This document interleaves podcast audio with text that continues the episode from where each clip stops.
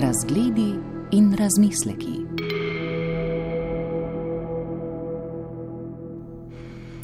Nemška esejistka in dramatičarka Eni Smači v svoji zbirki esejev Sladoledarna Evropa piše o družbeni vlogi ženske seksualnosti, o pripovedništvu, pa tudi o religiji, nacionalizmu in drugosti.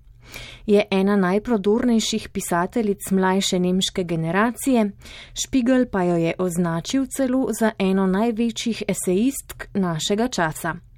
Z njo sem se pogovarjala med festivalom literature sveta Fabula, ki ga je obiskala kot gostja. Eni smači, v vaših esejih pomembno vlogo igra Wikipedija. Lahko bi rekli, da gre za eno določujočih institucij sedanjosti, ker jo lahko ureja vsakdo, je hkrati bolj in manj zanesljiva kot tradicionalne enciklopedije. Kako vas je začela zanimati? Yes. So I have always, uh, like many people, relied on it for, for various reasons. And, um, Kot veliko ljudi sem se pri raznih stvarih tudi sama zanašala na Wikipedijo. Odkrila sem podstrani z razpravami o urejanju. V šoli so mi rekli, kot najbrž vsem, da Wikipedija ni pravi vir, ker jo lahko ureja vsakdo. Ugotovila sem, da je to sicer res, ampak da lahko spremembam slediš. To se mi je zdelo zelo zanimivo. Našla sem strastne razprave o povsem nepričakovanih temah, naprimer o določenih vrstah vijakov ali vlakov. Ljudje so se leta in leta prepirali o tem, kateri vijak je pravi. Potem obstajajo članki, ki skoraj nimajo virov, a o njih tudi nihče ne razpravlja, tako da je jasno, da je vse napisal en sam človek in vse vmes. En dan lahko citiraš članek, ko ga spet prebereš, drugi dan pa se je vsebina že spremenila. To velja še posebno za sporne politične teme zadnjih 20 let. Tudi to se mi je zdelo zelo pomembno. Poleg vira, ki ga navajamo v besedilih, je tu še vprašanje, kdo kaj trdi, kdo si koga jemlje za svojega. Obstajajo znane osebnosti, ki jih imajo za svoje različne nacije. Naprimer glede Alberta Einsteina, ki ga ima angliška Wikipedija za ameriškega fizika rojenega v Nemčiji, je na nemški strani potekala zelo bojevita razprava, ali je bil Nemec ali ne. Vemo, da je v času nacizma izgubil nemško državljanstvo, ker je bil jud. Branje teh razprav me je navedlo na preupraševanje tega, ali je Wikipedija res tako nezanesljiv vir, kot pravijo. Tradicionalne enciklopedije so morda res temeljito pregledali strokovnjaki, vendar v njihov postopek nimamo upogleda, ne vemo, kaj se je dogajalo za zaprtimi vrati. Pri Wikipediji vemo, ker so bili spoštovanje virov, interakcija z dejanskostjo in transparentnost pomembni pri mojem pisanju, je bilo logično, da sem o njej govorila. Honoring the source material, working with reality, and trying to make things transparent was also important in my writing. It kind of became logical to talk about that. Angliške članke na Wikipediji primerjate z nemškimi. Znano je, da je angliška različica Wikipedije najzanesljivejša, ker jo uporablja največ ljudi, drugi jeziki pa so bolj vprašljivi. V japonski različici te spletne enciklopedije recimo najdemo zelo pristranske informacije. Pokhol v Nanjingu so preimenovali v incident, o Korejkah, ki so jih Japonci prisilili v spolno suženstvo, pišejo kot o prostitutkah. Tudi sami ste prišli do podobnih sklepov. Yes, I mean, I have been mostly comparing the German and the English side. There are very few um, articles that have a German as well as other language articles but don't have an English one. That's Primerjala sem predvsem nemško in angliško stran. Zelo malo člankov je, ki bi obstajali v nemščini ali v kakem drugem jeziku, v angliščini pa ne. Brala sem tudi albansko Wikipedijo. Skupnost uporabnikov, ki jo urejajo, je tam videti veliko manjša, veliko bolj povezana. Pogosto drug drugemu ne skačajo v zelje. Zdelo se mi je, da se vsakdo od njih spozna na nekaj, mirno citira vire in nihče se ne umeša, da koga ni pravilno citiral. Govorim predvsem o nenaravoslovnih temah. Ti članki so napisani skoraj kot proza, zelo poetično. O zgodovinskih bitkah beremo, kot bi brali roman. Ne vem, kako je s tem pri slovenski Wikipediji. Najbrž moramo imeti v mislih, da govorci manj razširjenih jezikov večinoma govorijo še kak drug jezik, veliko pogosteje kot recimo rojeni govorci angleščine, tako da je več možnosti za preverjanje. Primer Wikipedije bi nam moral vtisniti v zavest, da je vsako na vides objektivno informacijo nekdo podal, ne le v informativne namene, temveč tudi v reprezentacijske.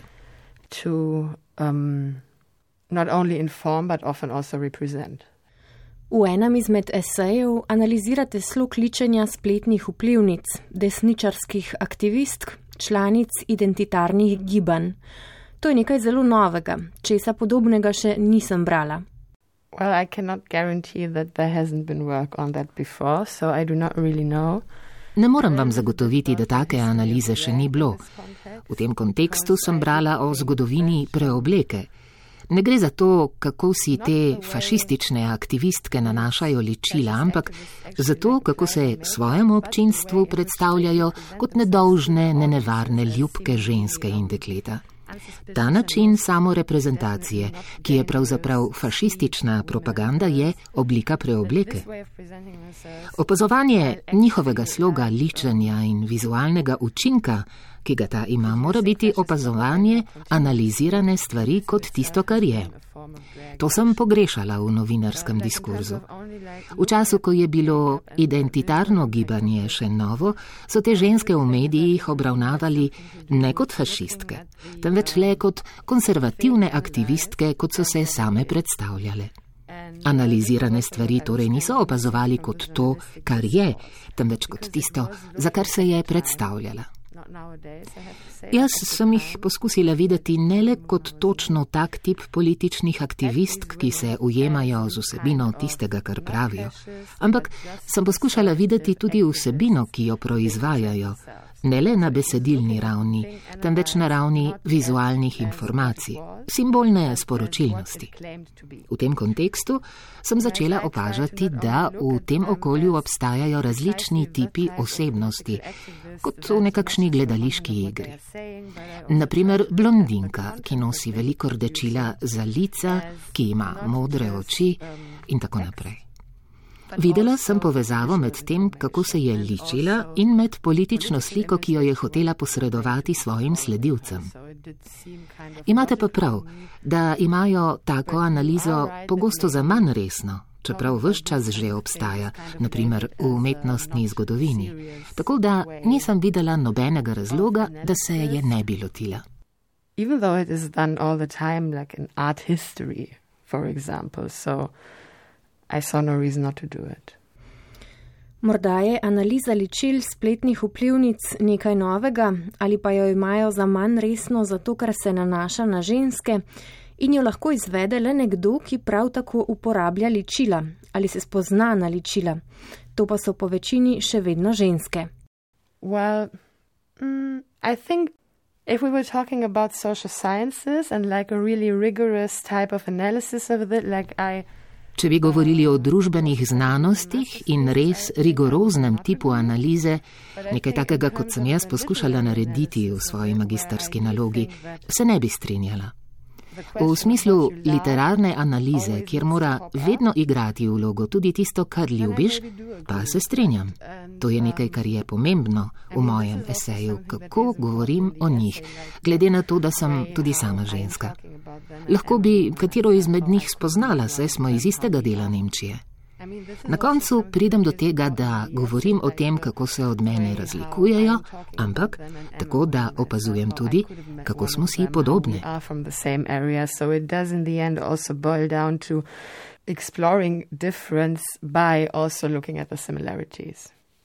Veliko pišete o tujstvu. Slovenska različica sladoledarne Evropa, nemški Ausländer prevaja kot tujec, vendar se s tem del pomena izgubi.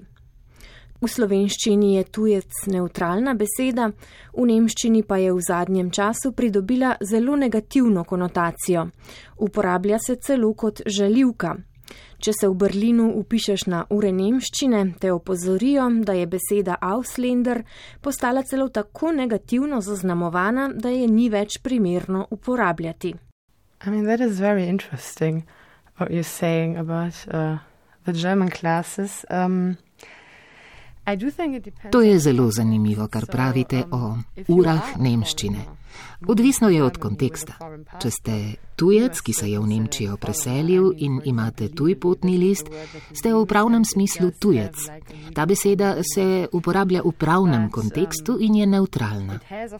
Že dolgo pa pomeni tudi vsakogar, ki je očitno ne bil in ne Nemec, ki ima tako ali drugačno priseljensko ozadje, ki nima nemškega potnega lista ali pa ga ima, tistega, ki se je že rodil v Nemčiji ali pa v Nemčiji samo odraščal. Jezik, ki označuje te ljudi, se je delno tudi spremenil. Imamo izraz migracionshintergrund, ki pomeni priseljensko ozadje. Tudi uporaba žaljivih izrazov za te ljudi se je spremenila. Je več načinov, kako slabšalno govoriti o priseljencih in otrocih priseljencev.